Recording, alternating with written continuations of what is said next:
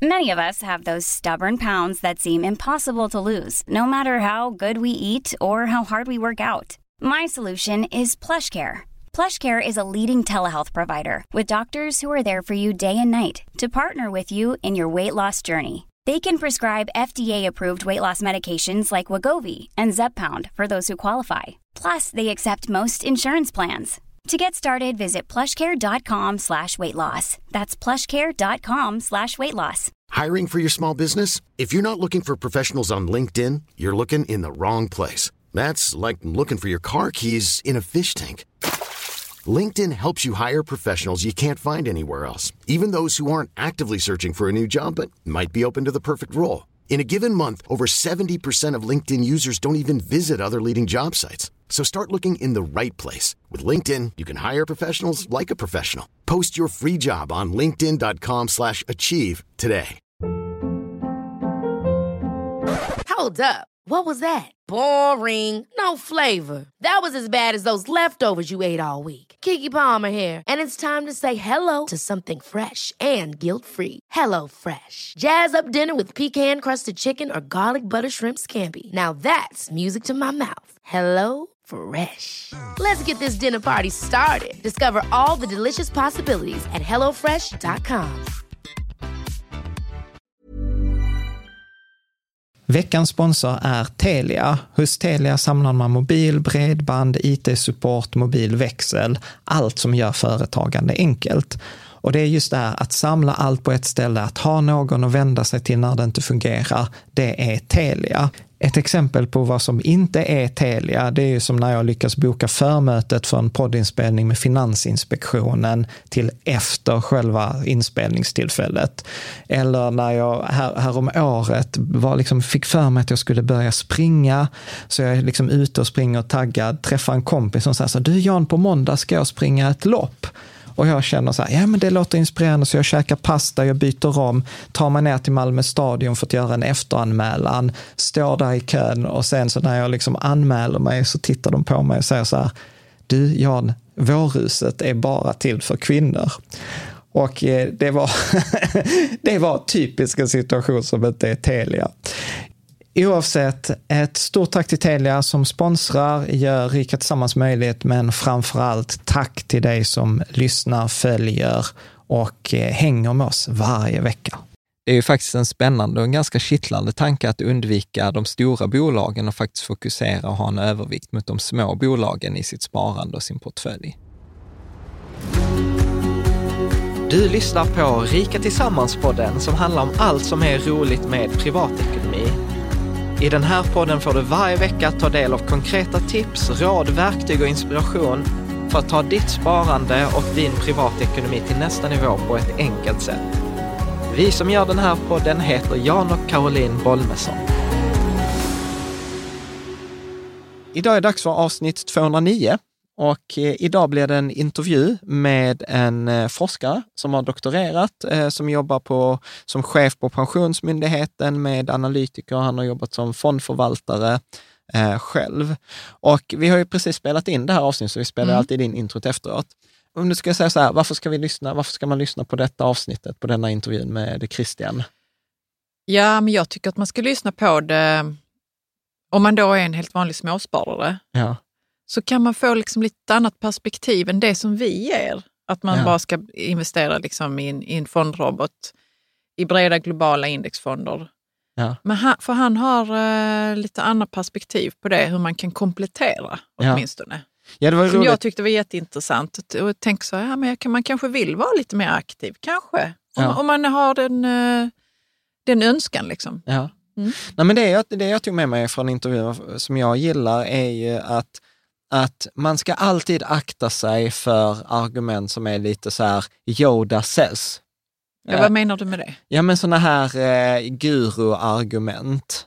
Så man inte ska avvika från det minsta? Ja, nej, men alltså så här, att det är så här, Jan säger att, ja. Rika Tillsammans säger att, Yoda says. Mm. Alltså, och det är ja, tack Jonathan.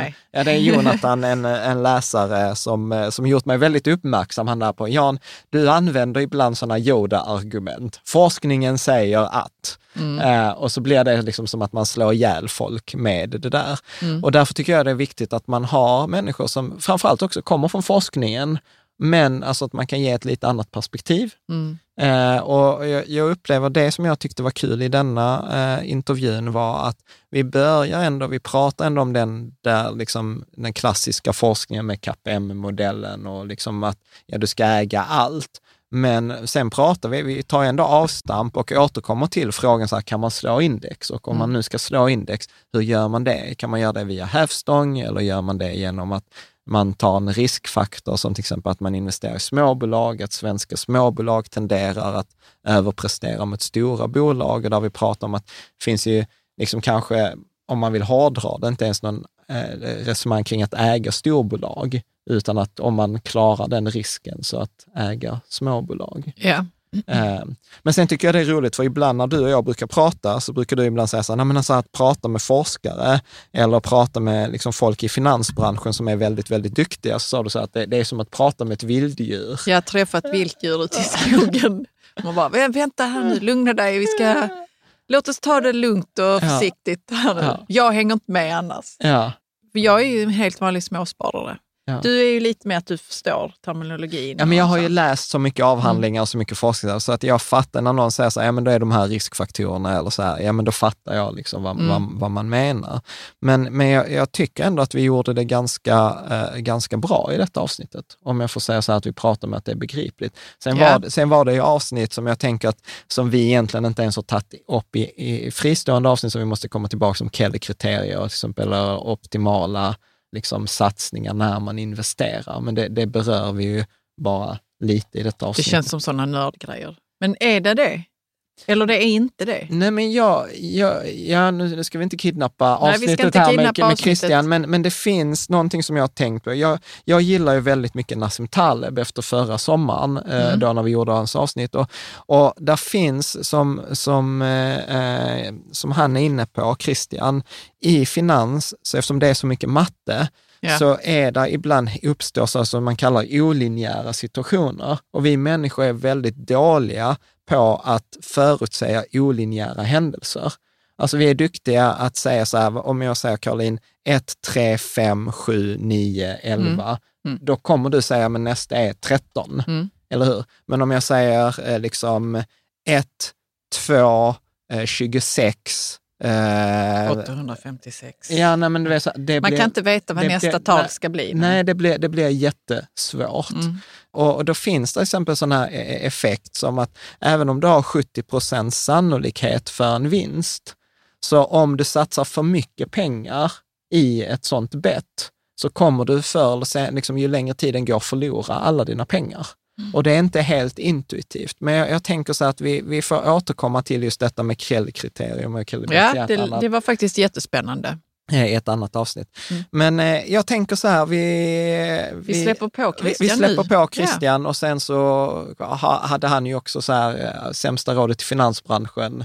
En, ja, men det behöver vi inte avslöja nu. Okay, det är någonting som vi brukar säga. Ja, så var det alltid lite jobbigt att höra. Ja, att det var ja. det sämsta rådet. Ja.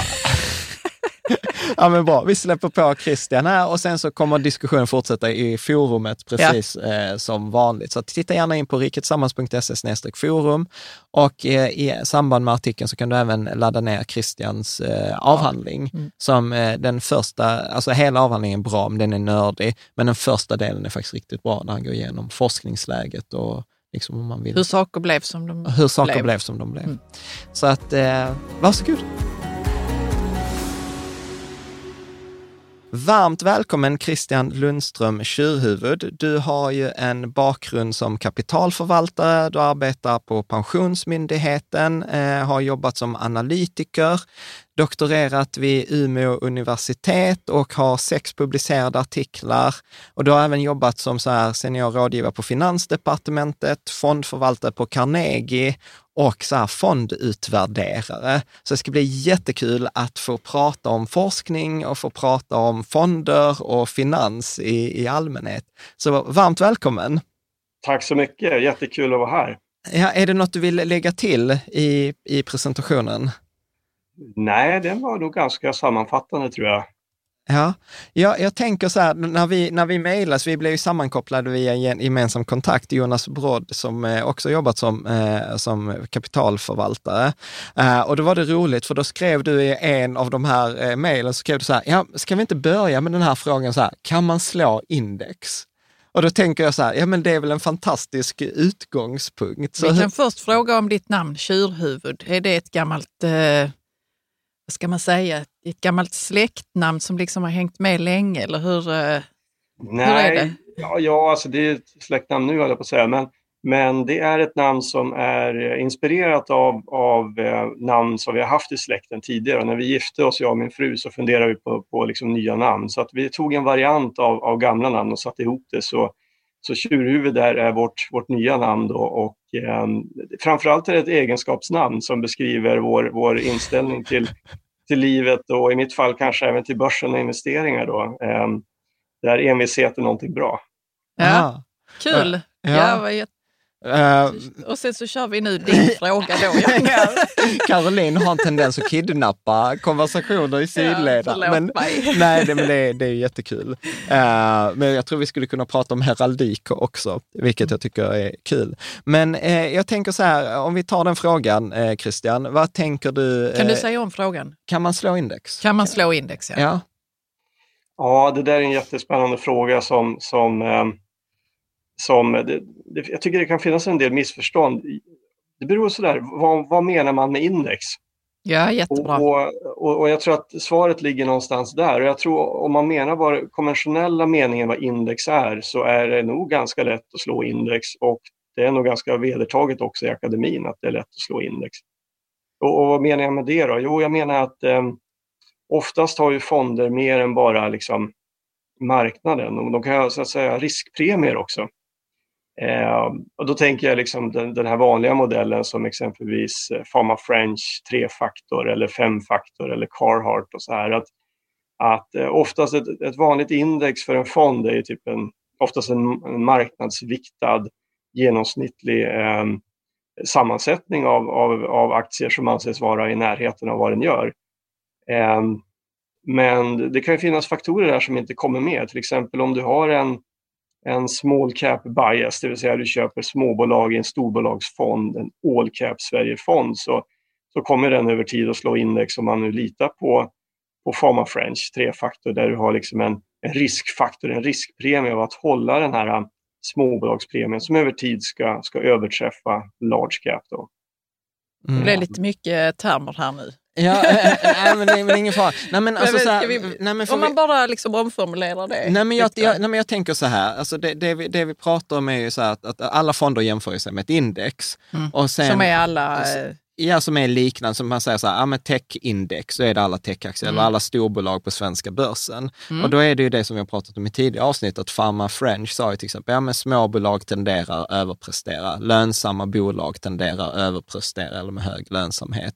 Över tid. Ja, och sen är det ju då eh, storlek också, små bolag tenderar att gå bättre än stora. Ja. Men, men, men jag, jag tänker där, eh, för, för, vi har ju haft till exempel den här value-faktorn, att värdebolag ska ju, liksom enligt Pharma Friends, ska gå bättre än tillväxtbolag. Det är också en sån här faktor. Men de senaste tio åren har vi ju inte sett någon, någon tendens för, för det där. Men vilka, vilka, som ett exempel på värdebolag, har jag hört det i Spotify till exempel? Eller? Nej, Spotify skulle jag nu säga tillväxtbolag. Ja, Okej, okay, det är tillväxtbolag. Ja. Okej, okay, värdebolag är... Ja, hur skulle, så här, det där är också så här klurigt. På... Hur, hur, hur, definierar man värde versus tillväxtbolag? Mm. Hur, hur, mm. hur, hur, tänker du? Nej, men jag, alltså, det finns ju många olika faktorer och de mest vedertagna är ju de du har nämnt nu. Och sen finns det väl några till, men men eh, en del av de där är ju svagare än andra och, och det kan ju finnas fler faktorer. Det finns ju ungefär lika många faktorer som det finns forskare som tittar på det här. Så att, så att en del är ju kanske inte helt signifikant och en del är kanske felaktiga på, på, på många sätt. Men, men just small cap-faktorn tycker jag har, har liksom visat sig över tid och även momentumfaktorn är väldigt stark över tid. Eh, value growth, ja, det, det, det, går i cykler det där och det är alltid, alltid frågan liksom hur lång tid eh, behövs för att det här ska synas. Så, så det är väl en, Mm. Tänker man 100 år eller tänker man 10 år? Och, och det, är väl, det är väl någonstans där som är, är, eh, är svaret. Jag, jag, tror att det här är liksom empirisk forskning så att det, finns ju inga givna svar här utan, utan Men... det är vad man tittar på.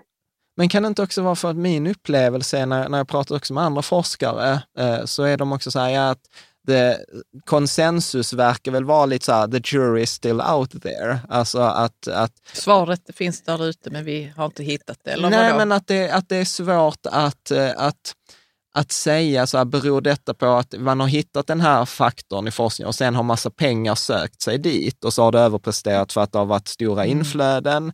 Alltså att det är inte som att det har varit, eh, som forskare säger, att vi ska inte påverka systemet, utan man påverkar ju systemet genom sin forskning. Ja. Va, vad tänker du, Christian? Ja, absolut. Det, det är ju sådana såna delar att när en faktor blir känd så, så kommer pengar att attraheras dit och, och ehm, om man då tror på finansteorin så kommer det att avkastningen för en sån strategi att falla eftersom det, liksom, det pressas in mer pengar och premien minskar. Eh, så så den, den faktorn kan absolut finnas. Mm. Mm. Men, men jag, jag, tänker om vi, om vi hoppar tillbaka till då frågan, kan man, slå, kan man slå index? Så du säger egentligen så här, jo men om jag gör en avvikelse från index, då, då kan jag liksom slå Och till exempel tar jag småbolag, då har jag, då har jag ändå oddsen givet att den här faktorn fungerar. Men sen också exempel, du, du har i början av din doktorsavhandling så tycker jag att du har en så här fantastisk fin eh, sammanfattning av så här forskningen KPM och liksom eh, de olika studierna. Och då tänker jag liksom, exempel KPM, som är en av de här mest kända modellerna, som säger liksom, så som jag tolkar den, är att ja, men varje avvikelse från att äga alla aktier i hela världen ger dig liksom en risk som du egentligen inte får betalt för.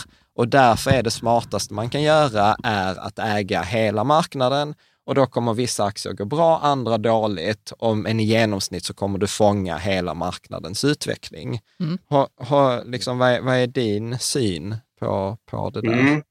Ja, alltså CAPM är ju en teoretisk modell ska man säga också. Riskfaktorerna ser jag som en utveckling av CAPM, den vanliga liksom prissättningsmodellen där, där, eh, där du har liksom andra riskfaktorer beroende på vad, vilka bolag du håller. Det man ska komma ihåg är ju att CAPM säger ju att du får liksom betalt för den risken du tar och tar du en ökad riskfaktor så, så, så får du en högre risk. Men du kan ju samtidigt slå ett index om det indexet inte motsvarar den risken. Så, mm. så om ditt index är svenska large cap och, och du tar liksom småbolagspositioner i det så, så tar du en högre risk.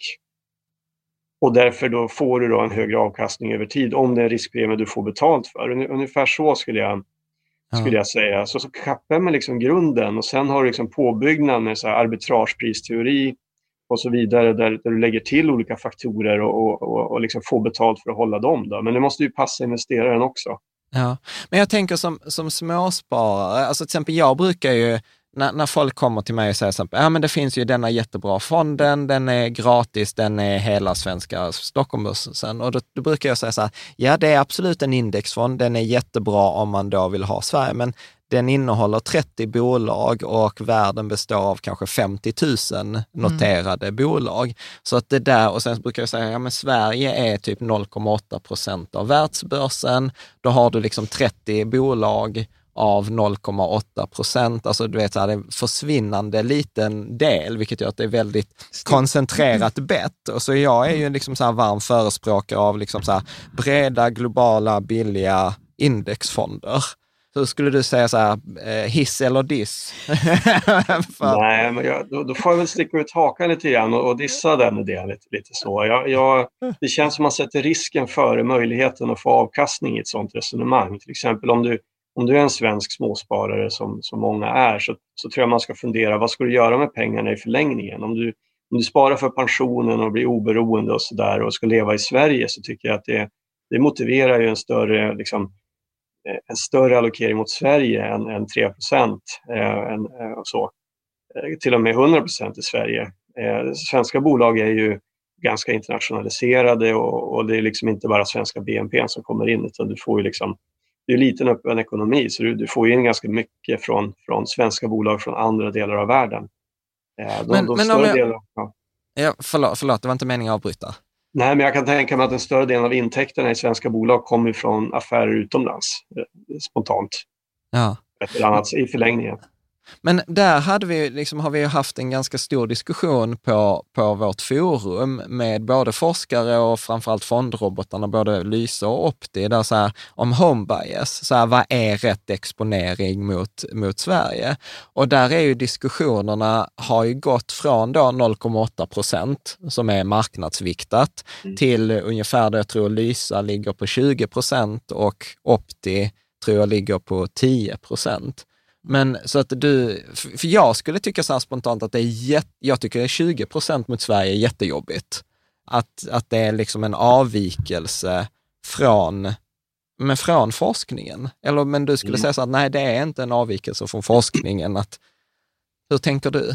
Ja, alltså, men man ska ju tänka på att forskningen är, det är liksom bara en, en teori och sen ska du applicera det där. Och, och Kappen säger att du ska hålla allt, men att, att bygga sin sin, sin liksom investeringsuppfattning utifrån den bara för att liksom hålla alla tillgångar för att någonstans vara en global invånare i en global värld. Det, det, det tror jag inte riktigt på. Jag, jag tror man ska, dels har ju svenska börsen gått bland de bästa börserna väldigt många år.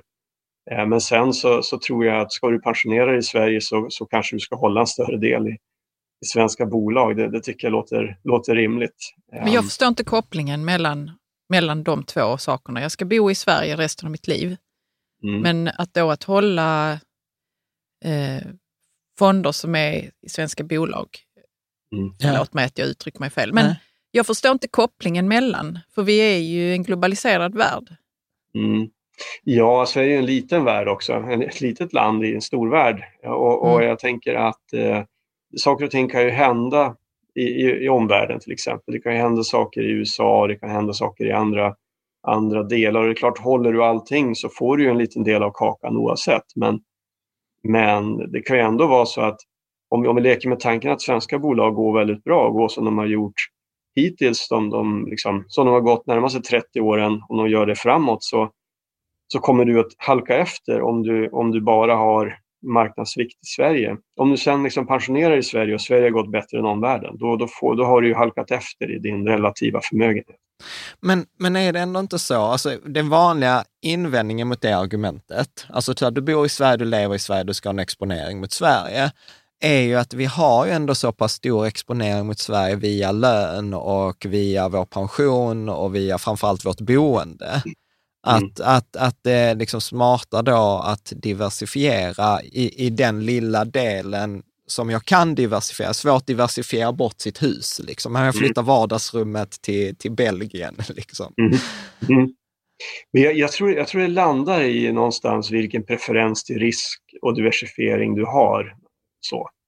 Ja. Eh, och, och, liksom, och, och, är du, och är du sån som, som, som gillar säkra bett och, och du tycker börsen är lite jobbig, då, då, tror jag du gör rätt i att sprida dina risker och så.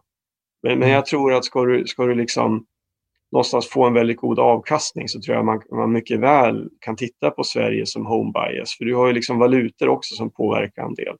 Mm. Ja, det, är inte bara liksom köper du utländska aktier så får du valutaeffekten också som, ett, som en del av det. Liksom, det får du inte om du köper Sverige. Så du, du får liksom, på ett sätt kan du lägga på riskfaktorer med valutor som en svensk investerare. Det, om du tänker en amerikansk investerare, han har ju 50 home bias ren marknadsvikt. Mm. Så, så, han har ju liksom en, en valutaskydd på, eftersom han tjänar och, amerikanska dollar så, så har han ju liksom risken, valutarisken blir mycket mindre för han eftersom han sitter på en home bias. Mm.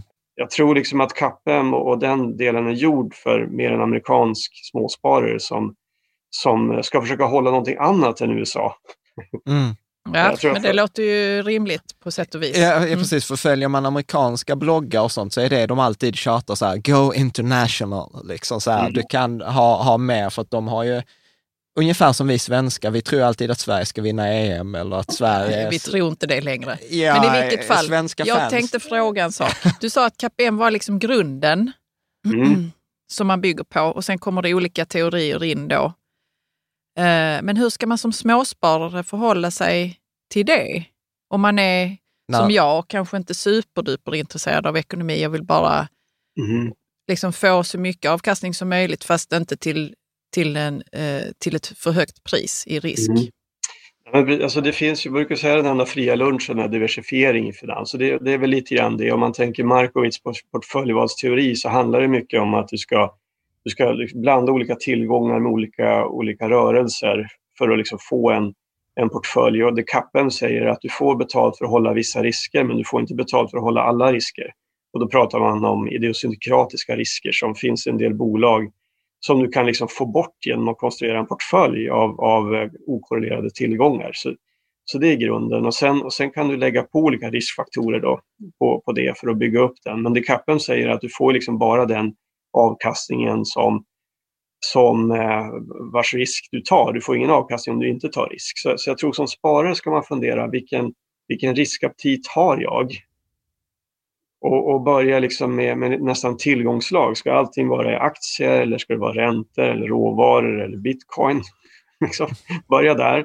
Och sen, och sen får man liksom drilla sig ner. Givet att jag ska ha en stor del i aktier, vilket känns, känns rimligt i dagens makroläge, då, så får man fundera vilken, vilken, eh, vilken geografi man ska ha och kanske lite grann också våga komma in på faktorer. Jag menar, är man nybörjare så tycker jag man ska köra indexfonder och gärna billiga indexfonder i, i brist på annat. Gärna globala fonder, jag, jag, kan hålla med där. Men om du är mer intresserad och du vill göra mer avkastning i den globala börsen tycker jag man ska titta på, på eh, exempelvis Sverige. Och, och tror man nu att Sverige går bra, vilket jag gör, då finns det ingen anledning att hålla large cap alls. då kan du lika gärna hålla small cap om, om, om liksom Sverige går omkull så kommer ändå liksom large cap och small cap gå dåligt. Men går Sverige bra, vilket man kanske kan anta liksom över lång sikt, då kommer small cap att gå, att gå bättre. Så jag har exempelvis ingenting i large cap utan allting i small cap. Mm. Eh, men men det, det, är också för att jag, jag har en, en, jag trivs med den risken. Det är inte alla ja. som gör det, även Nej. om man delar den, den, den synen. Så jag tror man måste gå till sig själv. för för tar du fel placeringar så kommer du att sälja precis i fel tid när, när börsen har fallit och det, du får liksom en, en, en, ett coronaställ förra året och du säljer precis på botten och börsen rusar uppåt och du är inte med. så, så ja, då har man losat två gånger. Ja, liksom. Men eh, ja. jag tänkte på det du sa med att man måste gå till sig själv. Hur blev du medveten om din riskaptit? Hur, hur stor eller liten den är? Precis, för ja. den är 4,2. Nej men, eh, nej men det är ju svårt att veta. Vi har pratat tidigare i, i vår podd här om att det är svårt att veta vilken riskaptit man har innan man har varit mm. med om att det har smält. Mm. Och då märker man när man vill dra sig ur eller är det med? När man mm. inte vill vara med längre för nu blev det för jobbigt att det gick ner eller mm. så. Och det, det är insikter man får först när man har testat, så det, det är väldigt mm. svårt att ha en, en förkunskap om det. Utan mitt råd är väl att börja väldigt försiktigt och, och, och inte ta några stora bett, utan vara lite försiktig eh, och, och sen genomleva några år och sen bygga på eller ta bort risk utifrån det man upplever. I mitt fall så, så tog jag examen, första examen var väl, eller första tre examina tog jag väl när jag var 26. Så sen började jag jobba som, som fondanalytiker och sen när jag var 27 då, då blev jag fondförvaltare och då, då blev det ju liksom ganska, ganska påtagligt med risker för när jag var 28 då kom egentligen subprime-kraschen mm. eh, och allting föll och sånt. Så det vart ju ett bra eh, eldbad av vilka risker man tar även som professionell förvaltare och vad man tar själv också. Då. Så, så det var väl en, en, eh, en, bra, en bra test över ens riskaptit kan man säga. Mm. Ja. Men, men jag tycker det där är ju så svårt, alltså även, även om man pratar risk, för man kan ju prata, alltså att det blir, risk är klurigt för att man kan prata om det som risk som volatilitetsrisk, alltså den här skalan på 1 till 7 som man har på fonder. Man kan, hur eh, mycket de rör sig upp och ner. Och ja, precis, hur mycket de svänger. Mm. Eh, man kan prata om risk utifrån risken att förlora allt eller risken, du, du brukar ju prata om så här, Kostar det ens en nattsömn så är det för dyrt. Alltså så här, som, som småsparare, om vi tar liksom, vi, vi ska dyka ner lite i din forskning sen, för jag, jag är så här supernyfiken. Men som en vanlig småsparare, hur, hur, hur ska man resonera kring risk? För att ibland när man får sådana här frågor från finansbranschen är så här, ja, marknaden går ner med 10 procent, du har satsat så här många kronor, hur mycket förväntar du dig tillbaka? Och jag är till och med så här, fan jag har läst 120 poäng matte, jag tycker den frågan är svår. Mm.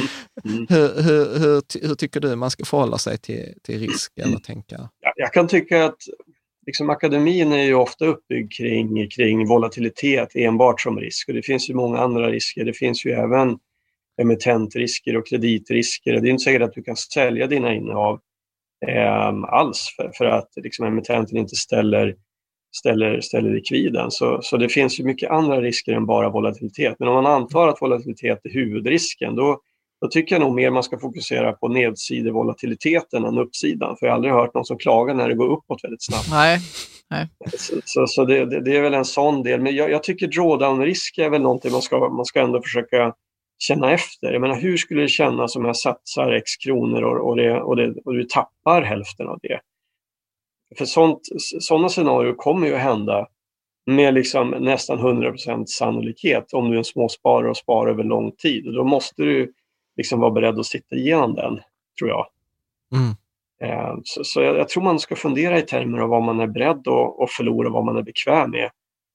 Och, mm. och, och, det är lite så här, jag har sagt någon gång att jag menar, om du slänger ut fem kronor på gräsmattan så kommer du inte ligga sömnlös för den ligger där för du är beredd att förlora den. Men det är klart, slänger du ut väldigt mycket pengar på gräsmattan kommer du att sova dåligt. Och Det är lite så jag tror man ska, man ska tänka. Du, du, måste, du kan bara satsa det du, det du är beredd att förlora. Och är det liksom en, alla dina tillgångar så tror jag inte man ska, kanske ska ha det i riskfyllda papper till exempel. Mm. Mm. Precis. Men jag, jag, jag, tänker om vi hoppar till, till, lite tillbaka till den här kan, kan, man slå index? Där jag brukar ju egentligen tänka, jag läste någon professor som skrev att man kan egentligen bryta ner alla strategier i grunden i två frågor. Mm. Där den ena frågan är så här, kan jag förutse marknadens rörelser bättre än andra? Och den andra frågan är så här, kan jag göra bättre analyser än, än andra? Och, och, och sen tänker Hur jag, skiljer de sig? från varandra, de frågorna egentligen? Nej, för det ena handlar om, så här, kan jag förutsäga marknadens rörelse? Alltså mm. egentligen mm. Eh, det man pratar om, marknadstiming. Kan man tajma marknaden?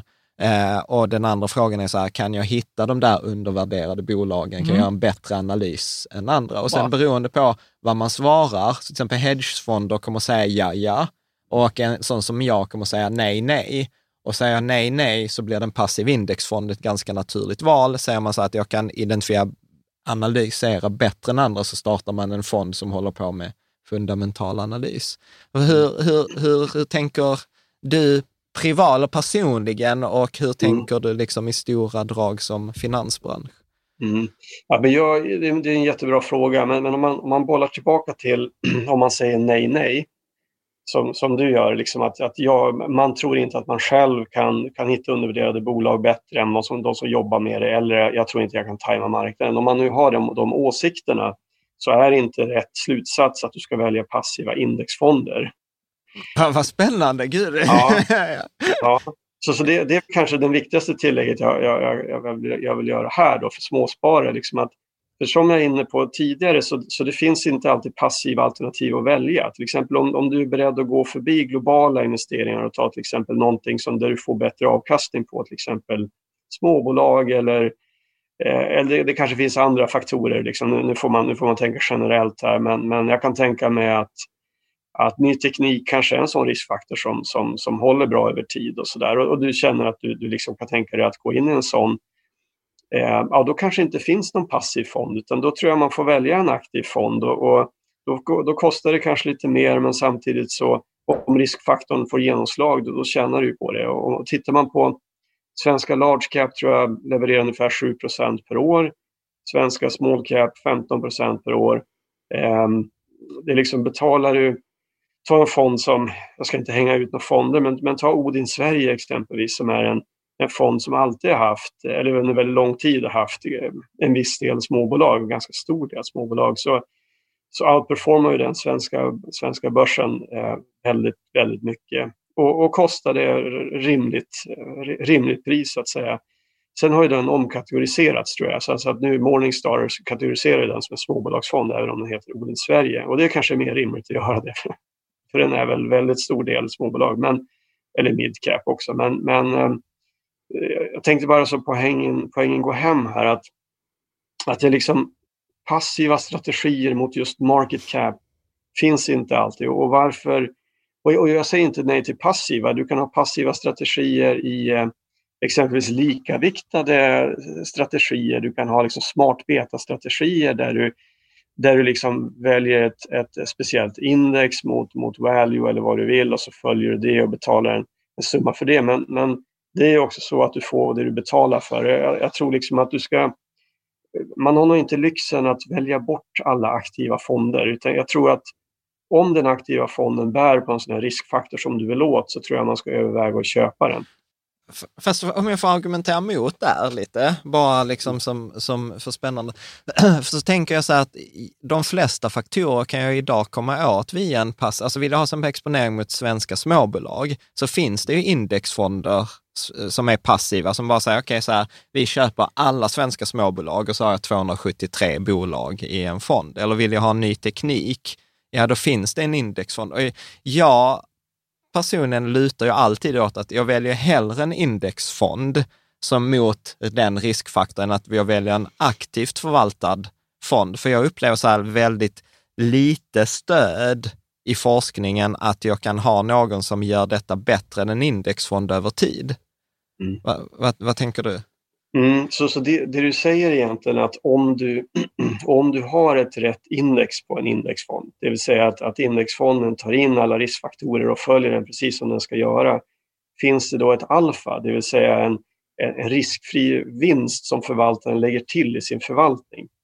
Och det är inte riktigt samma sak som att slå index, nödvändigtvis. Men, men, och, och, och på frågan om det finns ett alfa så är jag, så är jag mycket mer skeptisk och där, där tror jag du liksom har en ganska sund inställning att om du korrigerar för alla riskfaktorer som kan finnas i aktivt förvaltade fonder eller passiva så, så tror jag att det är väldigt få som slår sitt index.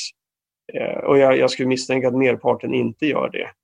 Mm. Eh, men det är lite grann som den här Karl Popper och svanarna. Även om vi går ut och tittar på svanar så, så de flesta är vita men det är klart kommer en svart svan så finns det ju en svart svan och, och med det så tror jag liksom att man kan inte säga att det aldrig kommer att gå att slå eh, index och ha ett alfa utan det, det kan nog inträffa men jag tror att det är väldigt få som slår sitt index mm. konsekvent med ett mm. alfa. Sen tror jag mm. det finns många aktiva fonder som, som så att säga går bättre än sitt index men då är det indexet inte helt relevant å andra sidan. Ja. Alltså en, en, stor, en stor sån ögonöppnare, du får hoppa in Caroline mm, om det är så, ja, men, men en, stor, ja, nej, men stor, en stor ögonöppnare för mig var så här, vi pratade, vi gjorde en intervju med professor Laurent Barras och han gjorde ju så här för tio år sedan eh, den här eh, studien, där visade att ja, men, eh, det är bara 0,6 procent av eh, alla fondförvaltare som över en 30-årsperiod konsekvent genererar alfa. Men så, så skrev han liksom i en uppföljningsstudie, så att tio år senare, så konstaterar han att man måste skilja på om det är förvaltarens skicklighet att generera alfa versus om jag får ta del av det alfat som sparare. Och då sa han liksom så här att ja, men majoriteten av aktiva fondförvaltare är skickliga, alltså de har skill, på den första dollarn som är investerad. Men sen blir det liksom att de blir för stora och då försvinner effekterna eller att avgifterna är för höga. Så att liksom värdet som den aktiva förvaltaren skapar hamnar inte i småspararens ficka. Men där är ett värde. Och för mig var det ett helt nytt sätt att, att se på, eh, på världen. Och det går väl lite i linje med det som du säger också, upplever jag. Mm. Ja, både och. Alltså det, det, det, finns absolut sådana faktorer i aktiv förvaltning att, att eh, vissa strategier kan, kan bli för stora och vissa fonder kan bli för stora så att inte förvaltaren kan, kan manövrera eller fortsätta leverera sin överavkastning som den har gjort. Och det, det är olika känsligt för olika tillgångslag. Det kan ju vara en annan typ i hedgefonder än vad det är i aktiefonder. aktiefonder är relativt stabila mot mot den typen, men absolut, den, den problematiken kan finnas. Eh, förvaltare som skapar väldigt bra avkastning första tio åren och sen lite sämre sen, det, det är absolut. Men man ska också problematisera kring, kring passiva fonder. En, en, ett index är ju bara en teoretisk konstruktion och att ha en passiv fond innebär ju ändå att du måste jobba aktivt för att försöka följa det indexet du ska göra. Och sen har du också en avgift även på passiva, så, så det enda du vet med en passiv fond är att du tjänar, du får alltid mindre än vad indexet är. tänker jag. Så, mm. så det är liksom, och, och, ehm, och, jag tänker också liksom att, ja, du nämnde att det finns många, många passiva delar. Jo, på, på det vi nämner nu som, som småbolag och ny teknik, det, det, det, absolut det kan finnas, men det finns många andra faktorer, momentumfaktorer och sånt som, som upplevs väldigt stabila, som, som, som har ett erkänt liksom, vetenskapligt belägg också. Eh, och de är kanske svårare att få in eh, så, som passiva strategier. Eh, och sen småbolags... Ja, passiva fonder på småbolag är väldigt svårt. Det, det är liksom en, speciellt i ett litet land som Sverige, det är ganska svårt att få en bred exponering med ganska illikvida innehav i regel. Mm. Mm. Så det är inte helt lätt att göra en passiv fond. Ja, jag tycker ju att, att eh, den övergripande känslan som jag får i diskussionen är fear of missing out på avkastning.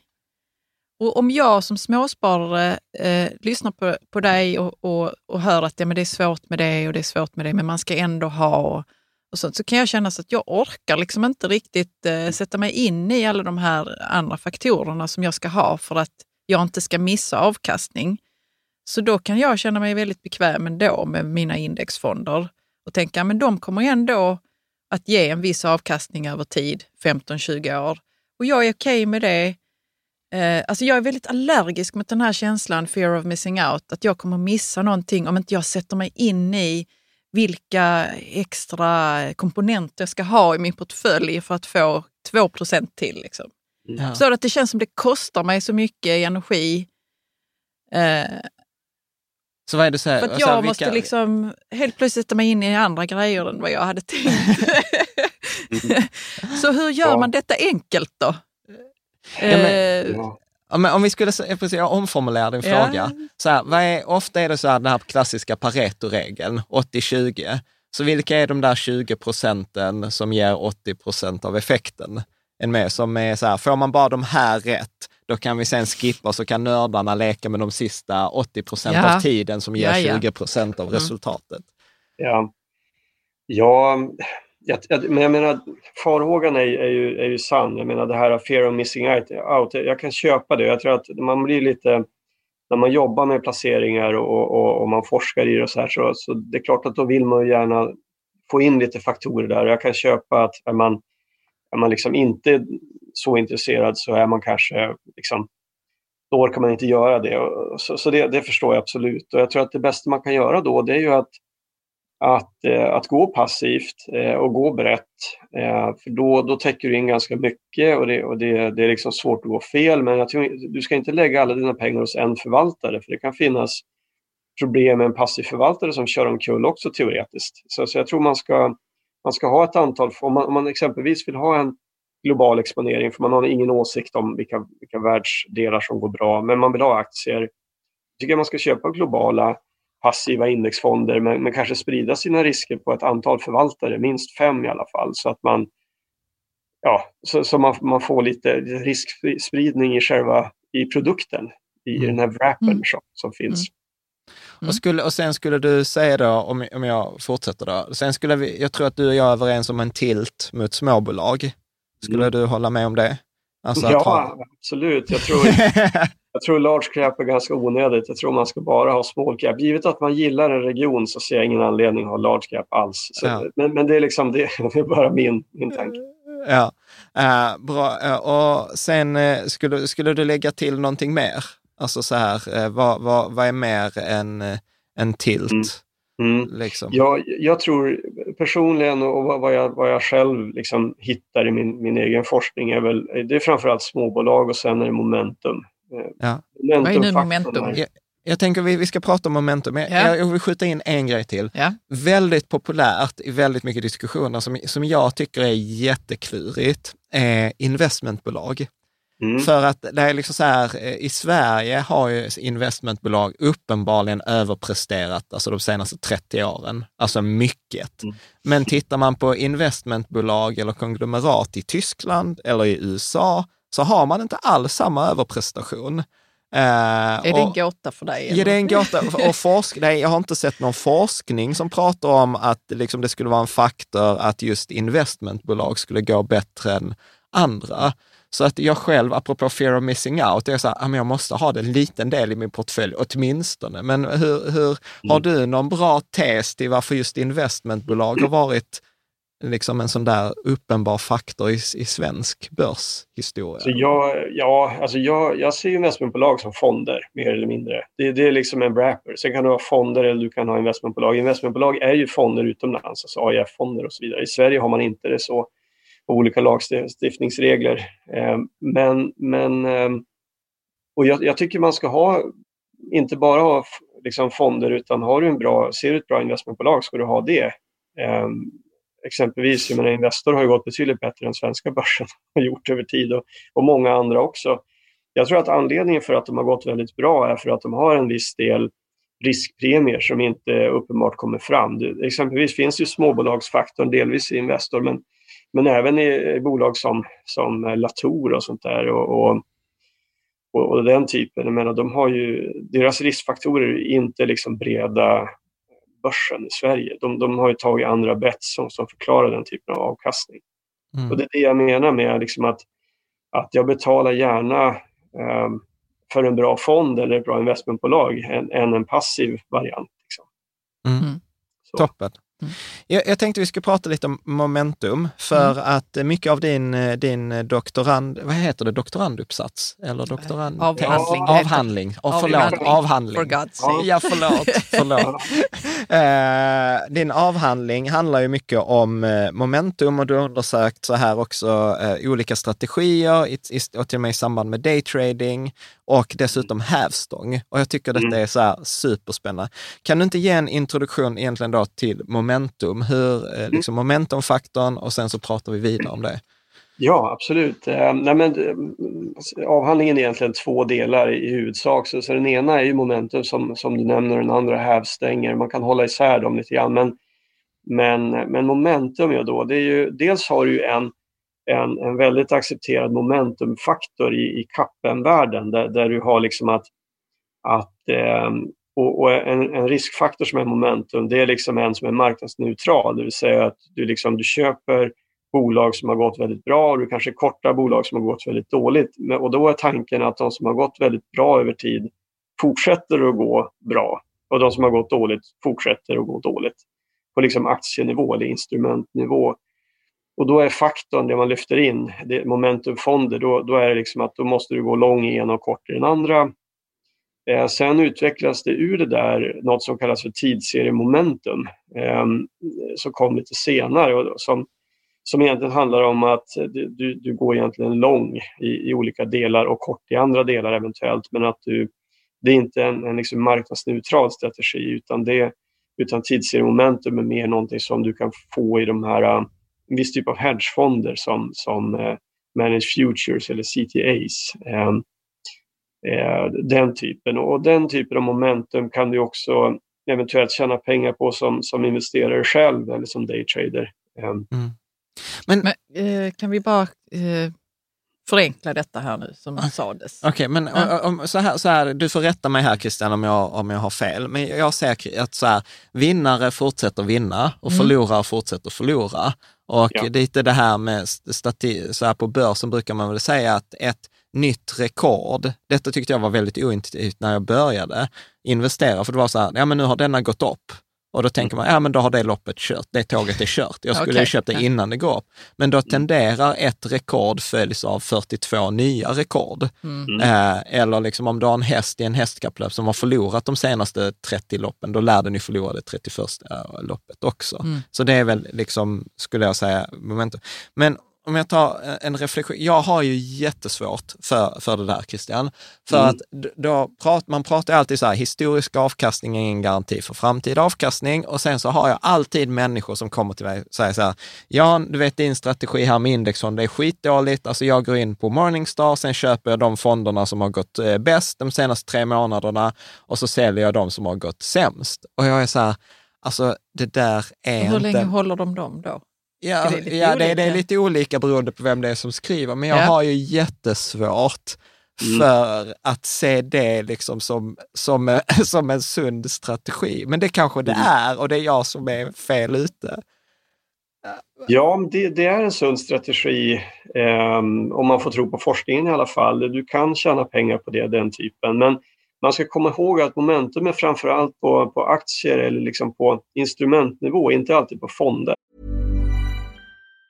Hi, I'm Daniel, founder of Pretty Litter. Did you know cats tend to hide symptoms of sickness and pain? I learned this the hard way after losing my cat, Gingy. So I created Pretty Litter, a health monitoring litter that helps detect early signs of illness by changing colors, saving you money and potentially your cat's life. Pretty Litter is veterinarian developed, and it's the easiest way to keep tabs on your fur baby's health right at home. Go to prettylitter.com and use code ACAST for 20% off your first order and a free cat toy. Terms and conditions apply. See site for details. Ever catch yourself eating the same flavorless dinner three days in a row? Dreaming of something better? Well, HelloFresh is your guilt free dream come true, baby. It's me, Gigi Palmer. Let's wake up those taste buds with hot, juicy pecan crusted chicken or garlic butter shrimp scampi. Mm. Hello Fresh. Stop dreaming of all the delicious possibilities and dig in at HelloFresh.com. Let's get this dinner party started. Many of us have those stubborn pounds that seem impossible to lose, no matter how good we eat or how hard we work out. My solution is PlushCare.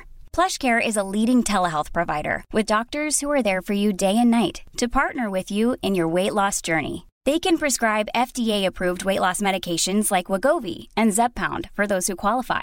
Plus, they accept most insurance plans. To get started, visit plushcare.com slash weight loss. That's plushcare.com slash weight loss. Okay. Du, du, kan ha mean reversion i, i, i fondalfa till exempel medan du kan liksom i aktier ha så det är inte säkert att det gäller på fonder, men, men jag har hört liknande, att, att man ser strategier, att, att man, man köper dem på exempelvis premiepensionstorget, man köper de som har gått bäst eh, senaste tre månaderna och, och, och sådär och konsekvent gör det. Det, det, det finns nog, jag tittar på det lite grann och, och det, det, tycks finnas någonting där också. Eh, I alla fall i aktiefonder.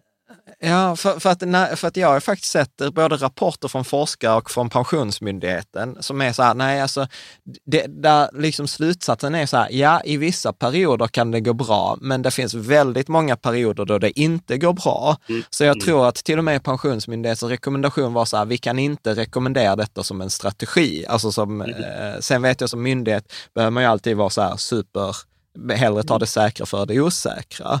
Men kan, jag tycker liksom det är superspännande. Hur, hur, hur vet jag då att om en, en sån här eh, aktie är i ett momentum till exempel? För att, ja. Mm. Ja, hur, ja, mycket bra fråga. Ja, alltså momentum är ju, är ju det är som ni säger, att det, det som har gått bra historiskt fortsätter gå bra. Och, och då finns det ju, då är det ju massa tidsperioder man ska hålla koll på, till exempel vad, hur, hur länge ska det ha gått bra och hur bra är bra? Och hur länge ska du hålla den sen? Mm. Och de, de parametrarna som tycks funka generellt, det, det är ofta kvartalsvis. Att, att om, du, om din, din aktie har, har gått bäst liksom på ett kvartal av alla OMX30, då, då, då kan du hålla den i en månad framåt. Ungefär den typen. Men sen ska man komma ihåg att det finns transaktionskostnader med i det här och du måste sitta med och du måste vara... Och, och det, det, som i alla andra strategier så finns det tidsperioder då det går väldigt dåligt.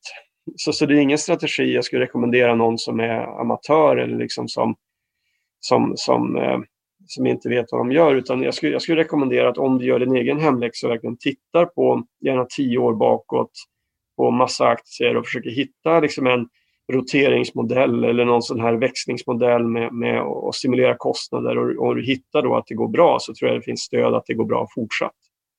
Uh. Vad spännande att man alltså inte ska vara amatör när man sysslar med detta. Men hur, hur vet man då? Hur vet man Jag tror man, man, man, eh, om man är intresserad av ekonomi och sätter sig in i alla de här grejerna så märker man nog när man är mogen för den typen av mm. strategi. Men det är också roligt att man kan ju ha höga tankar om sig själv jo, men... Eh, och tro att man, eh, man klarar detta. Eller ja, hur? Ja, jag är ju så här generellt sett, jag brukar ju säga att börsen har en tendens att göra en ödmjuk. Och, och jag tänker ju så här, Alltså jag vet inte, jag blir lite, vad ska man säga, jag vet inte ens vad rätt ord är, men don't try this at home. Alltså så här, där finns professionella förvaltare, alltså det har funnits momentumfonder. Robur tror jag hade en mm. momentumfond som var så här spektakulärt, eh, man la ner efter ett tag. Spektakulärt att, dåligt. Ja, men det gick, det gick spektakulärt mm. dåligt. Ja. Och jag vet ju, Nordnet hade ju också nu, de skulle ha någon sån här eh, i coronakraschen, du vet, så här, denna kommer rädda dig från nedgång för att vi har liksom kvantitativa modeller och momentum. Och sen, den gick ju mm. liksom gick ut för sent och sen var den inte med uppåt. Eh. Mm. Men måste man titta lite på vad det var som gick fel där? För det kan ju faktiskt, precis som du säger Christian, funka för vissa, men om, om för andra gör det inte det om man är för stor. Eller jag vet inte. Eller, ja. jag, jag, vad jag har lärt mig under de här åren som vi har poddat, det är att saker är inte så enkelt som man tror. Man kan inte säga så, men det gick dåligt och det gick bra. Och så, för, för det är så många är det, faktorer. Ja, det är dessutom slump. Ja, slump mm. och, och liksom processen att man tog det beslutet behöver inte betyda att det blev rätt, men det var inte fel beslut för det och så. Ja. Alltså du vet, det är så... Vad tänker Vad du Christian, ja. spontant? Nu yrar vi här. ja, nu yrar vi ja det, men liksom, man ska komma ihåg att även om du har en strategi som är vinstgivande över tid, så, så är det ju väldigt mycket stokastik i det. Det vill säga du kommer att ha långa perioder när det går dåligt och du, har, du kommer att liksom ifrågasätta din modell och så vidare. Men momentum är ju, det, det finns ju, det finns ju liksom hela hedgefondsindustrier som är uppbyggda kring momentum. Alltså om man tänker CTAs och Managed Futures, de gör ju pengar enbart på momentum i alla tillgångslag. Det är egentligen det de gör. Och, och, så, så, och det har ju liksom det finns ju forskning som har tittat på det där hundra år tillbaka och hittar fortfarande momentum. Så, så det finns ju någonting där. Och sen, men sen ska inte jag säga att, att liksom, sparare på premiepensionen ska följa momentumstrategier. Det, det, det, det, det måste man, folk välja själva. Men jag tror att det finns någonting där om man, om man är beredd. Nackdelen med, med momentum på aktier, det är liksom under nedgångar som typ 2008 och sådär, att du, du kan få där är det lite svårt faktiskt, för, för där, där, där blir det som att du går i kassa i allting. Då. Och sen, sen dröjer det ett tag, så de aktier som kommer upp snabbast från, från, från fallet, det är inte alltid de som fortsätter att gå bra. Så det finns, det, det går att förbättra momentumstrategier på börsen eh, om man vill, men, men jag, jag tycker man ska om man är intresserad så tycker jag man ska testa på liksom, en liten del av sin portfölj och, och går det bättre än vad, vad professionella fondförvaltare på samma marknad gör, då, då, då har man ju någonting där och då kan man ju fortsätta att göra det. Mm. Men eh, man måste fundera på positionering, aldrig satsa för mycket och aldrig, jag menar hur många aktier ska du, ska du köpa bara en aktie som går bra eller så? Då, där skulle jag rekommendera att åtminstone ha 30 innehav. Köper de som har gått, alltså de 30 bästa till exempel. Mm. Ja. Mm. Men eh, jag, jag läste, det finns en professor i Asker eh, som jag har glömt vad han heter, eh, som, som, har, som har gjort mycket forskning på momentumstrategier. Och jag mm. tror att han skrev så att eh, en vanlig missuppfattning kring momentumstrategier är för, att folk tror att det är låg risk, hög avkastning. Mm. Men att, att momentumstrategier snarare är så att de, att de är låg risk, låg avkastning.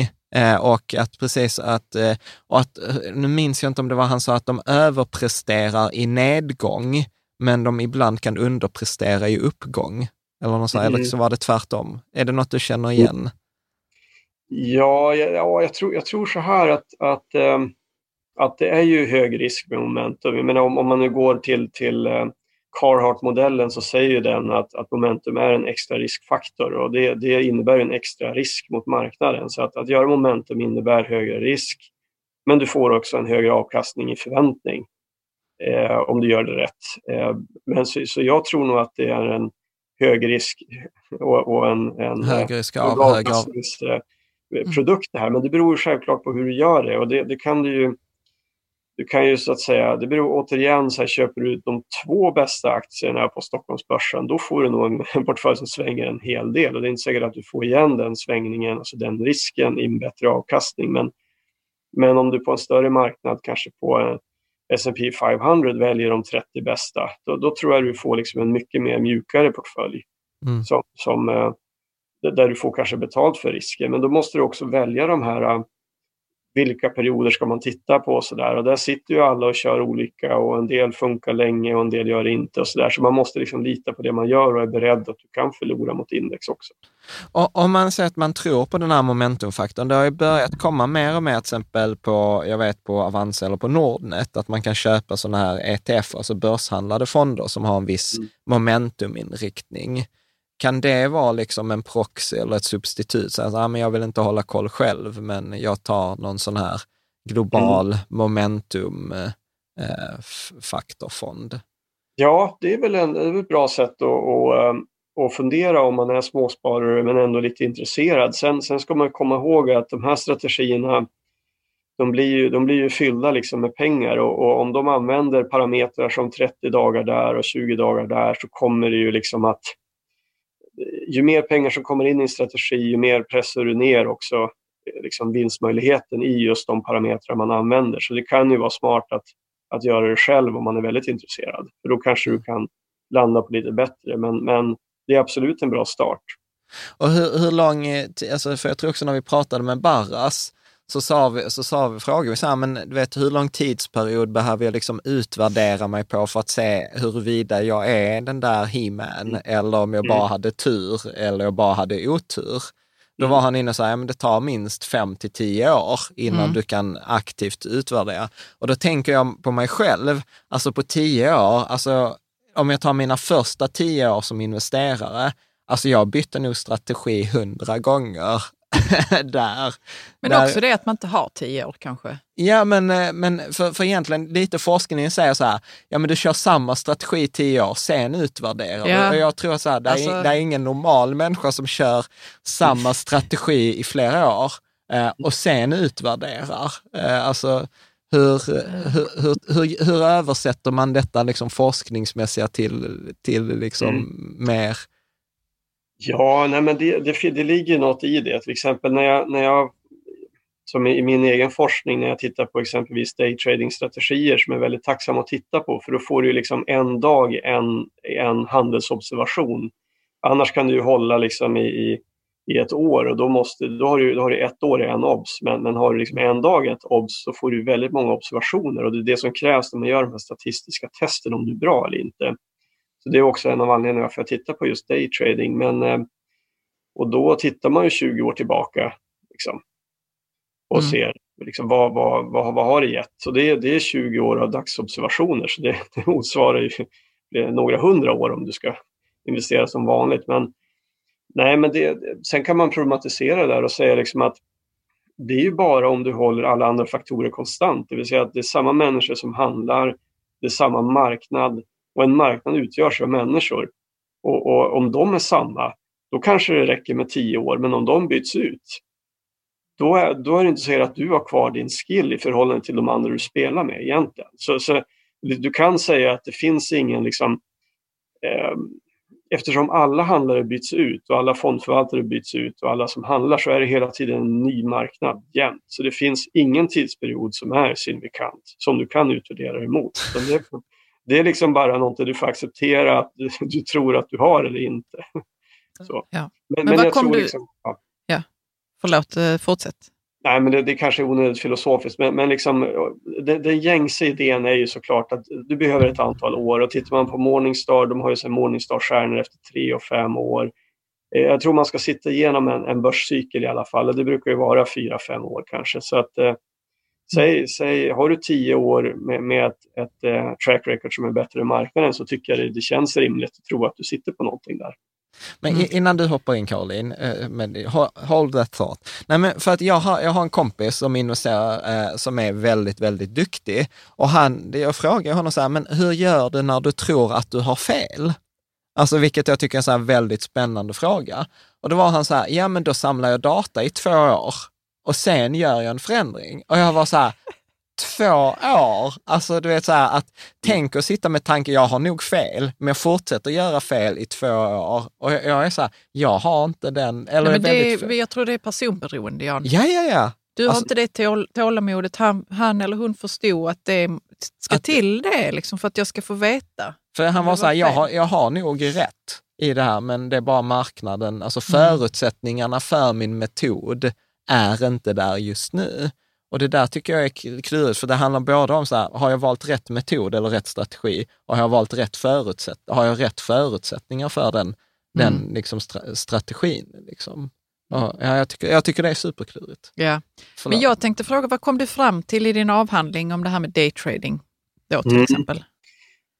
Ja, precis. Nej, men det, det jag hittade var väl att, så man kan säga att de studierna som finns om daytrading, det är oftast eh, såna här äh, studier baserade på transaktionsdata, att man tar ut från börsen och så ser man vilka som har köpt och sålt under samma dag. Och så, det, är ganska, det är ganska mycket data i sånt och, det, och det, oftast får du ganska korta tidsserier men där hittar man oftast att, att ungefär en av fem daytraders gör, gör signifikant vinst och, och, och fyra av fem de, de gör signifikant förlust efter avgifter. Um, och ibland går det väldigt snabbt och tappar alla pengar också. Eh, och det jag hittade i min forskning, jag gick en annan väg, så jag, jag tog en känd daytrading-strategi och så testade jag den och, och, såg ungefär hur den funkade efter det att den blev publicerad. Eh, och då, då, ser man ju då att eh, börsen är ju inte helt, helt eh, liksom, eh, slumpvis, utan det finns ju en systematik i, i börsen, framförallt kring, kring stressade perioder som när, när marknaden faller och, och liksom när volatiliteten är väldigt hög under sådana perioder så framstår det för mig som att det går att göra signifikant vinst på daytrading. Men under stora delar av, av, av tiden jag tittade på så, så, är det väldigt svårt att göra vinst på daytrading. Det, det går plus minus noll, ibland går det lite bättre av ren slump, ibland går det lite sämre. Men så, så börsen är väldigt ofta, ofta effektiv. Mm. Men, men vissa tillfällen är den inte det. Och sitter du och tradar konsekvent varje dag så, så, så hittar jag att det, det, finns förutsättningar att göra pengar på den strategin. Men du får vara beredd att trada väldigt, väldigt många år. Eh, och ibland kan det vara ett år då du gör en fantastisk vinst som förklarar din liksom 20-årsavkastning eh, kan du göra på ett enda år.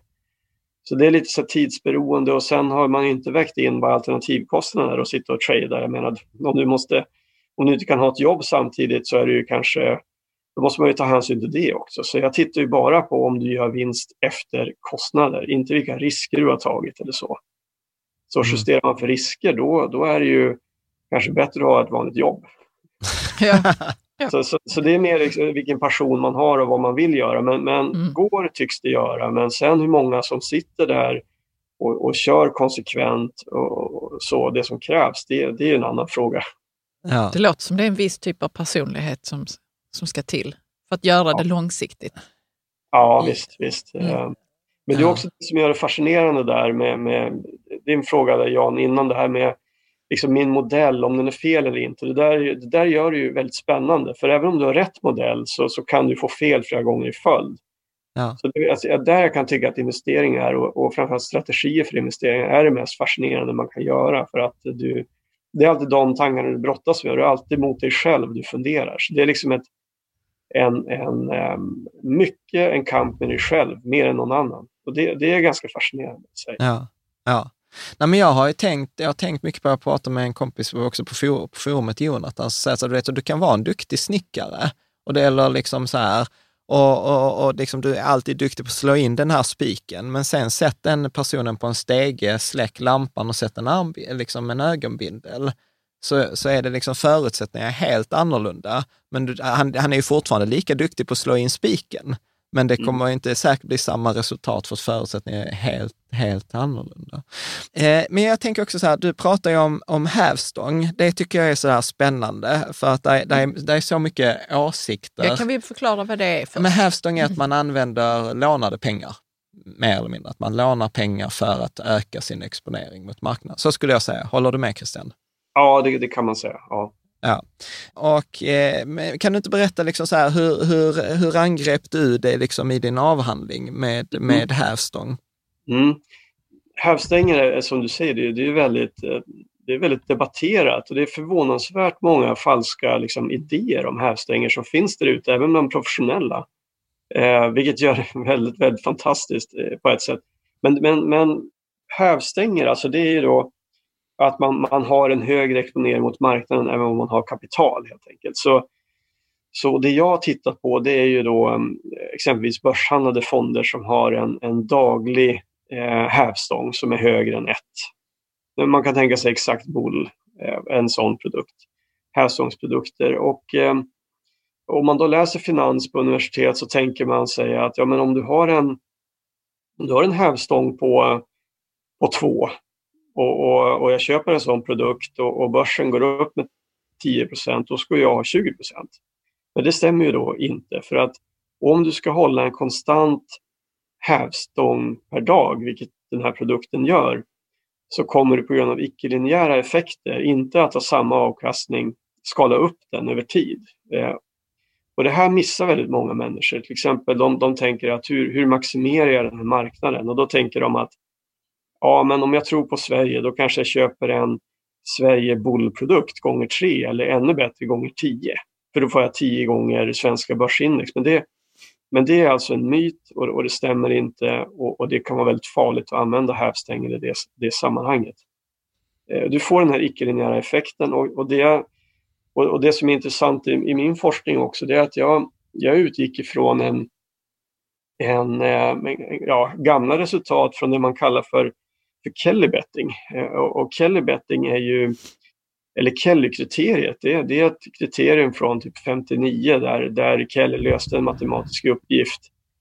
Ehm, kan man säga och sen så vart den delvis populariserad av en, av en eh, professor från MIT som använde Kelly betting till att spekulera på börsen och han använde den för att slå massa kasinon i, Las Vegas. Ehm, och ehm, så det gick bra för han. Han var också en av de första på den här Black Scholes-modellen, men han fick inte Nobelpris för det, utan det fick ju Black Scholes. Men, men, eh, Kul att matten kunde användas så på det viset. Men, ja, men precis. Ja. Men jag, jag tycker Kelly-kriteriet är jätteintressant för att det handlar ju mycket om statistik och att man får så här ointuitiva resultat.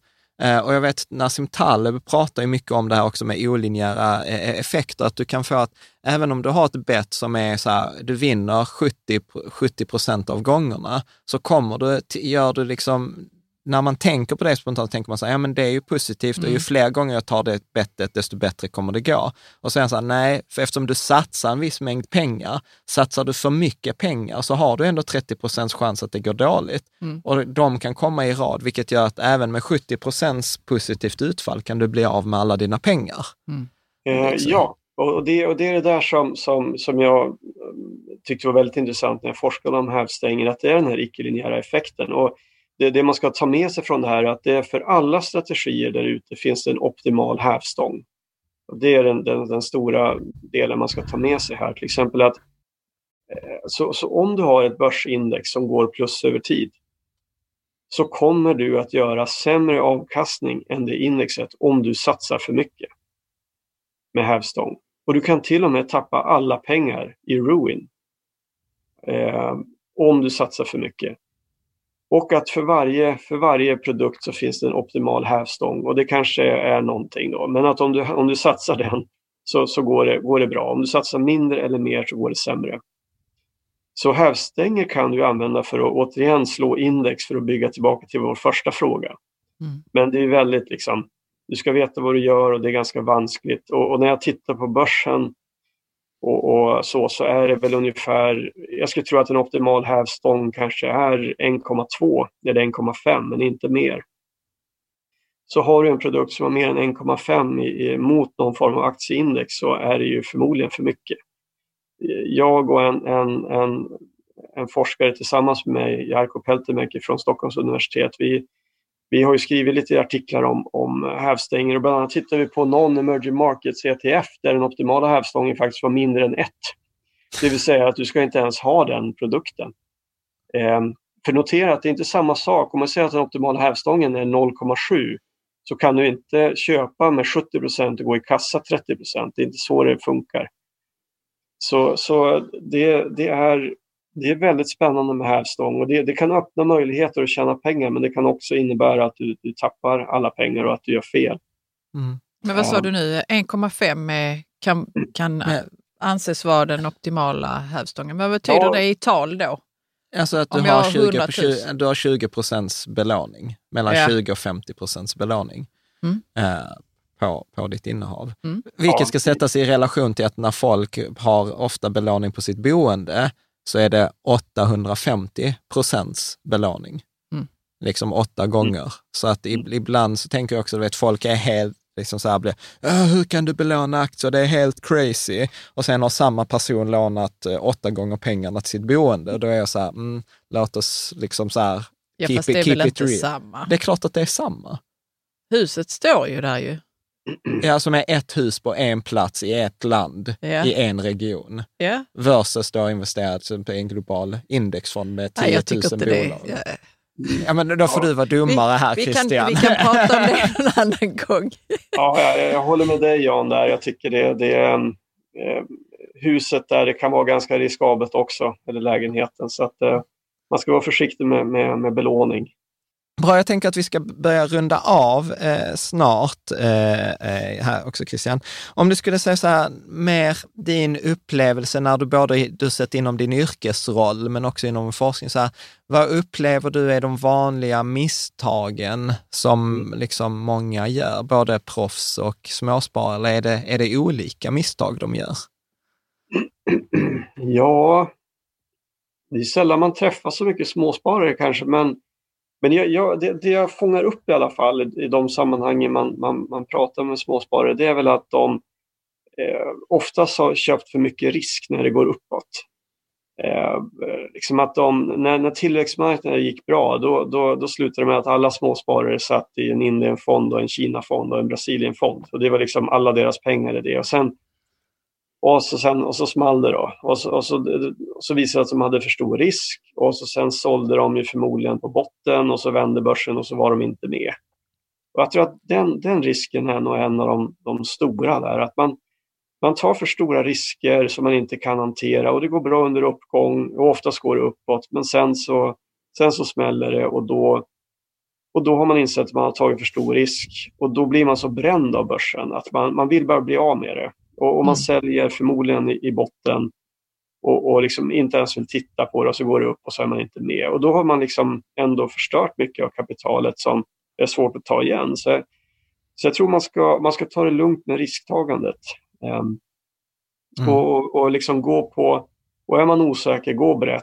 Um, och, och, satsa inte mer än vad du kan förlora. Jag tror att det, det är nog den viktigaste takeawayen man, man kan göra.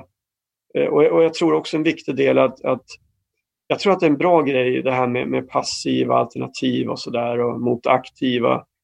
Men jag tror att det finns en marknad för både och. Jag tror att de, ju mer pengar som går in i passiva fonder, ju mindre, ju mindre blir premien för passiva fonder. För du får egentligen samma bolag, de här marknadsviktade. Och, och desto större blir premien att hålla aktier som är utanför indexet mot, som aktiva förvaltare kan göra. Så jag tror det är inte så enkelt som att säga att passiva investeringar det är vägen till framgång eller aktiva investeringar. Det, utan jag tror att man ska ha en, vara medveten om att det här kan skifta och, och att man den stora forskningen på passiva är gjord när det inte fanns passiva liksom, produkter. Nu finns det passiva produkter som kommer att trycka ner vinsterna från passiva investeringar också. Så man ska vara lite öppen tror jag och inte låsa sig för mycket vid, vid, vid strategier utan gå brett men, men våga tänka lite grann, att inte säga nej till, till någonting bara för att man, man, man, man tänker att det borde vara så, utan var, var lite öppen och titta på slutprodukten, alltså vilken mm. avkastning får man. Mm. Mm. Och har du en dålig förvaltare ska du gå ur den direkt, för det finns det fin det, ofta så kan man säga att en, en, det finns ju väldigt lite stöd att säga att en bra förvaltare är fortsatt bra nästa år. Men det finns visst empiriskt belägg för att en dålig förvaltare är dålig nästa år. Det finns alltså en tail persistence i, i in the lower tail, alltså i de som går sämst tenderar att gå sämst nästa år. Och det, och det, kan bero på att de har lite för mycket kostnader, det kan bero på att de sköter affärerna dåligt eller det kan bero på massa saker. Men, men det tycks finnas ett sådant empiriskt belägg. Då. Så att eh, ha nolltolerans mot, mot dåliga fonder och, och liksom välj bort dem i så fall. Mm. Och, och, väljer du passivt, köp inte en passiv fond utan köp några stycken. För det finns alltid en förvaltarrisk när du väljer passiva. Och det, det, du kan ha två olika passiva som, som får väldigt olika resultat. Mm.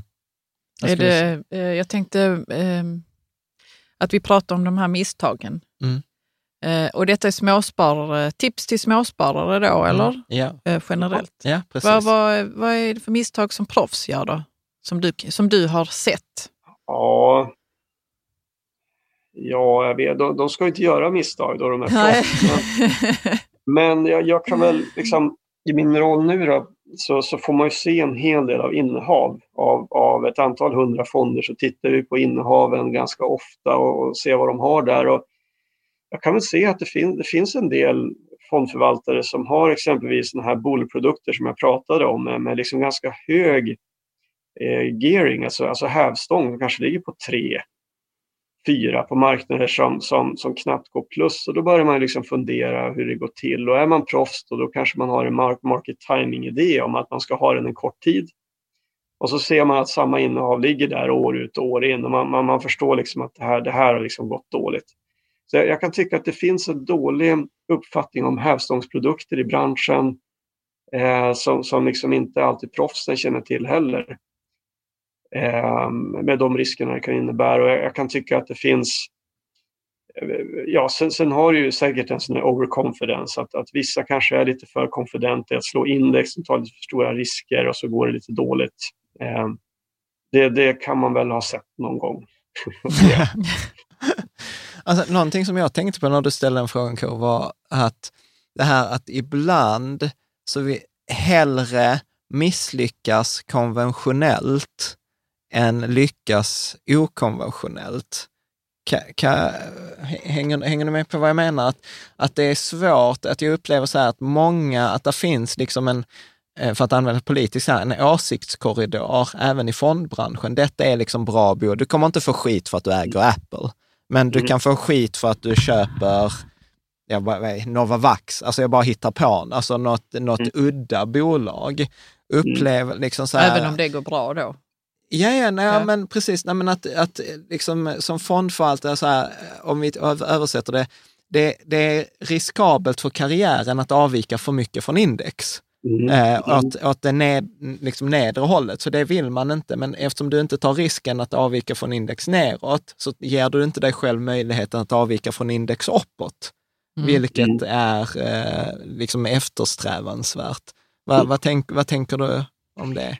Ja, det, det, kan, det kan finnas sådana såna delar. Jag menar, och är man anställd som fondförvaltare så är man ju någon som, som ja, det, det, kan ju gå dåligt för fonden och då faller det tillbaka på dig och det kan finnas en sån här äh, byråkratoptimering där, att du köper liksom, bolag som, som, som finns bra till i den här åsiktskorridoren och då tar du inga större risker och, och du liksom, det blir inga större grejer, du får din lön ändå. Så det, det finns ju den den typen. Men det, det är lite tråkigt sätt att se det på också. Jag, jag, tror man kan, man kan titta på fondens tracking error och se liksom vilken risk fonden tar. För det är också en fråga, så här, vem är det som tillhandahåller fonden? Är det en storbank? Eller är det en fondförvaltare som, som enbart har som verksamhet att, att fonderna ska gå bra?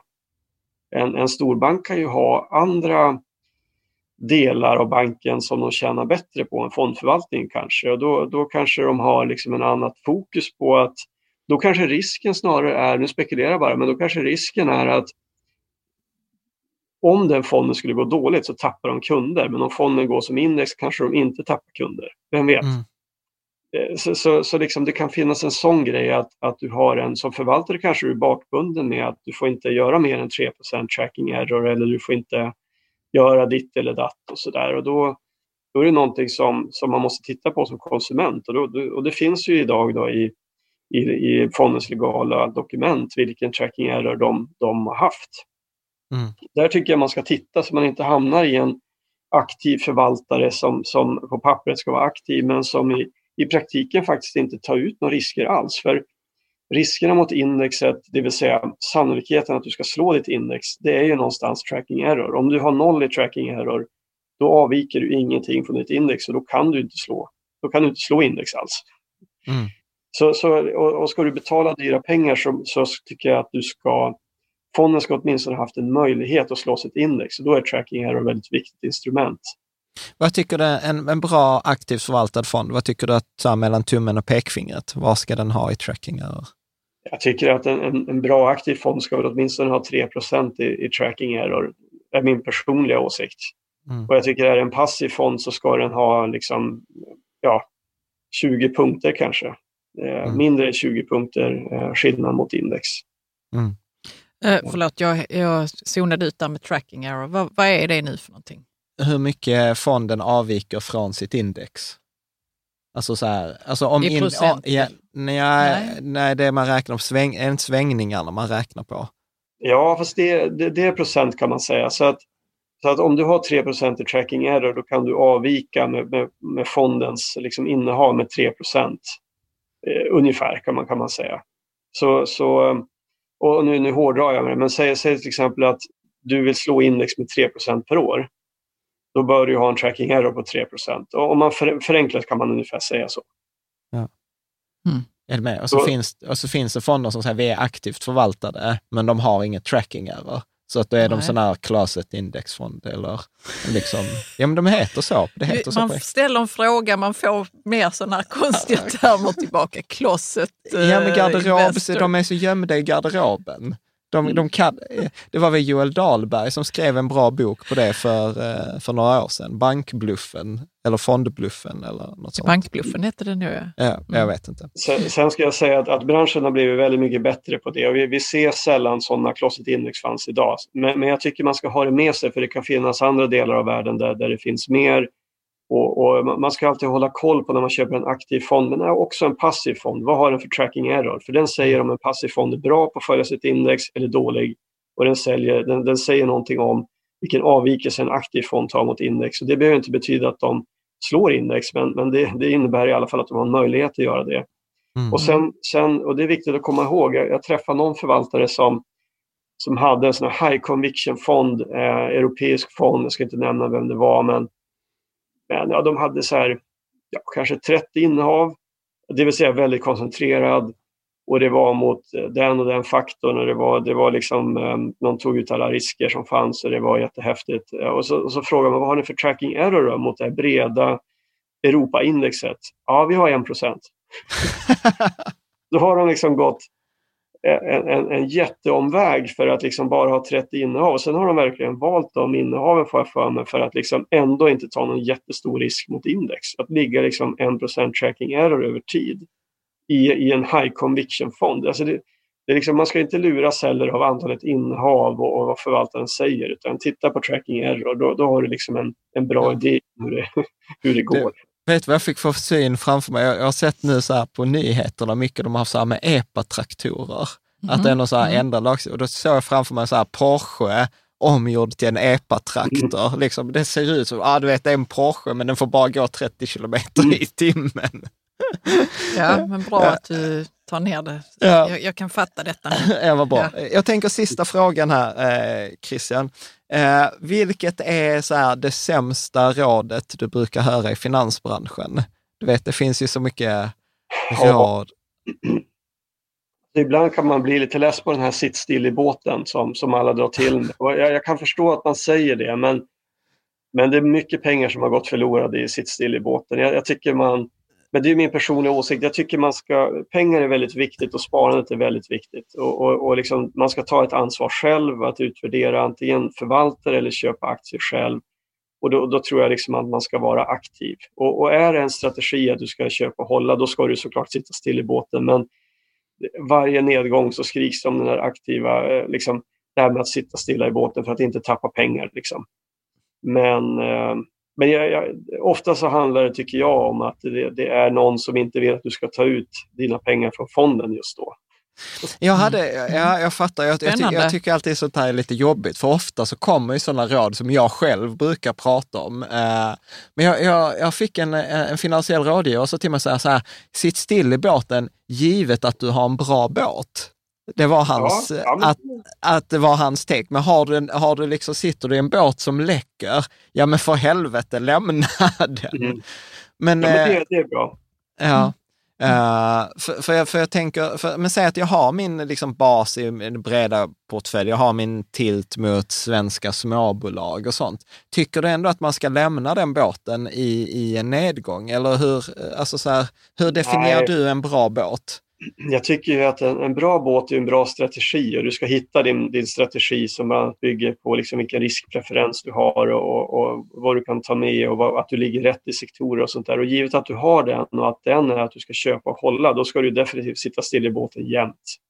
Mm. Så, såklart. Men om du har en aktiv approach och du, och du flyttar mellan där det går bra och dåligt och framförallt momentum, då ska du inte sitta still i båten utan då måste du ju följa din strategi troget och vara liksom dig mm. själv, dig själv trogen för annars kommer det inte att hålla. Så en bra mm. båt är, är liksom någonting du har gjort själv som du är komfortabel med och som, som eh, eh, antingen handlar om att välja bra fonder eller göra jobbet själv. Och det, det skulle liksom hålla det till även när det blåser. Det, det är väl ett bra, ett bra råd. Mm. Lysande. Jag tänkte, förlåt, jag hade, jag hade faktiskt en fråga till. Eh, så här, jag gillar ju boktips. Har du något boktips? Det behöver inte vara en finansbok, utan det kan vara precis vad som, helst, ja. som du skulle rekommendera. Ja, alltså den bästa boken är min avhandling där och du har ju, du har ju läst en del av den så att det, det är väl den, den finns, eh, nu fick jag ju den mejlad av dig. Finns den, eh, att jag, eh, papperna finns i de olika journalerna eller kan jag lägga ut den pdf jag fick av dig på, på hemsidan? Eller? ja, den är ju publikt tillgänglig även via universitetet så att ja, det, det, det, ska ja. gå att göra, absolut. Ja. Ja, men jag tyckte den var jättespännande. Framförallt så måste jag säga så att jag gillade inledningen jättemycket, för det gav en så här, jag var så här, fan detta önskar jag att jag hade skrivit själv. För det gav så bra liksom så här historia, kronologisk ordning, så här, ja, men det kom den här studien och sen så kom det det här, har du också en genomgång av... Ekonomi... Nej, den här KPM, ja. alltså så här, de olika studierna, hur de byggde på varandra. Och sen också det här med beteende, när Kahneman och Tversky kom med beteende, finansiell, vad heter det på svenska? Eh, ja, beteendeekonomi kallar man väl det. ja, behavioral Fi finance brukar vi säga i Sverige också, men beteendeekonomi ja. har jag hört någon gång.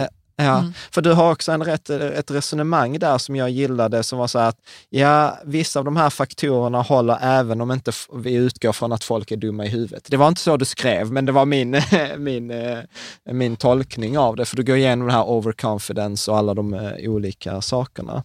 Mm. Eh, det, precis, det, det, kan vara rationellt att vara irrationell ibland. Eh, absolut. Så kan ja. Ja, precis.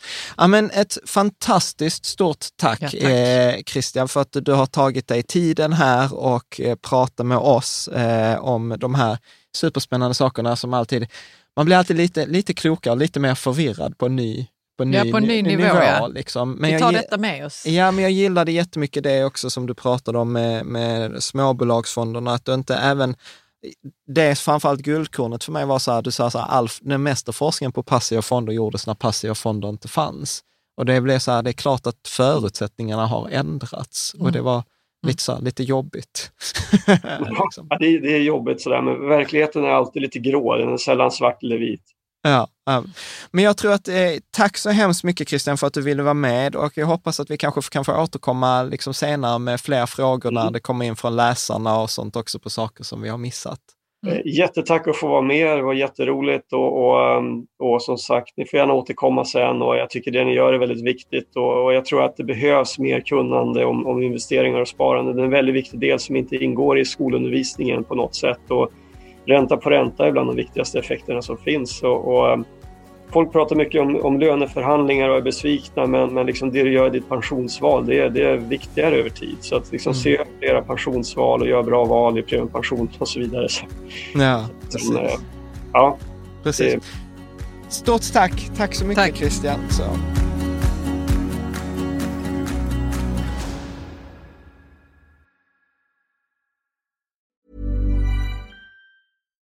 Hi, I'm Daniel, founder of Pretty Litter. Cats and cat owners deserve better than any old-fashioned litter. That's why I teamed up with scientists and veterinarians to create Pretty Litter. Its innovative crystal formula has superior odor control and weighs up to 80% less than clay litter. Pretty Litter even monitors health by changing colors to help detect early signs of potential illness. It's the world's smartest kitty litter.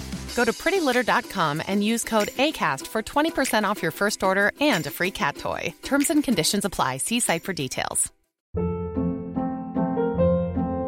Hold up. What was that? Boring. No flavor. That was as bad as those leftovers you ate all week. Kiki Palmer here, and it's time to say hello to something fresh and guilt-free. Hello Fresh. Jazz up dinner with pecan-crusted chicken or garlic butter shrimp scampi. Now that's music to my mouth. Hello Fresh. Let's get this dinner party started. Discover all the delicious possibilities at hellofresh.com.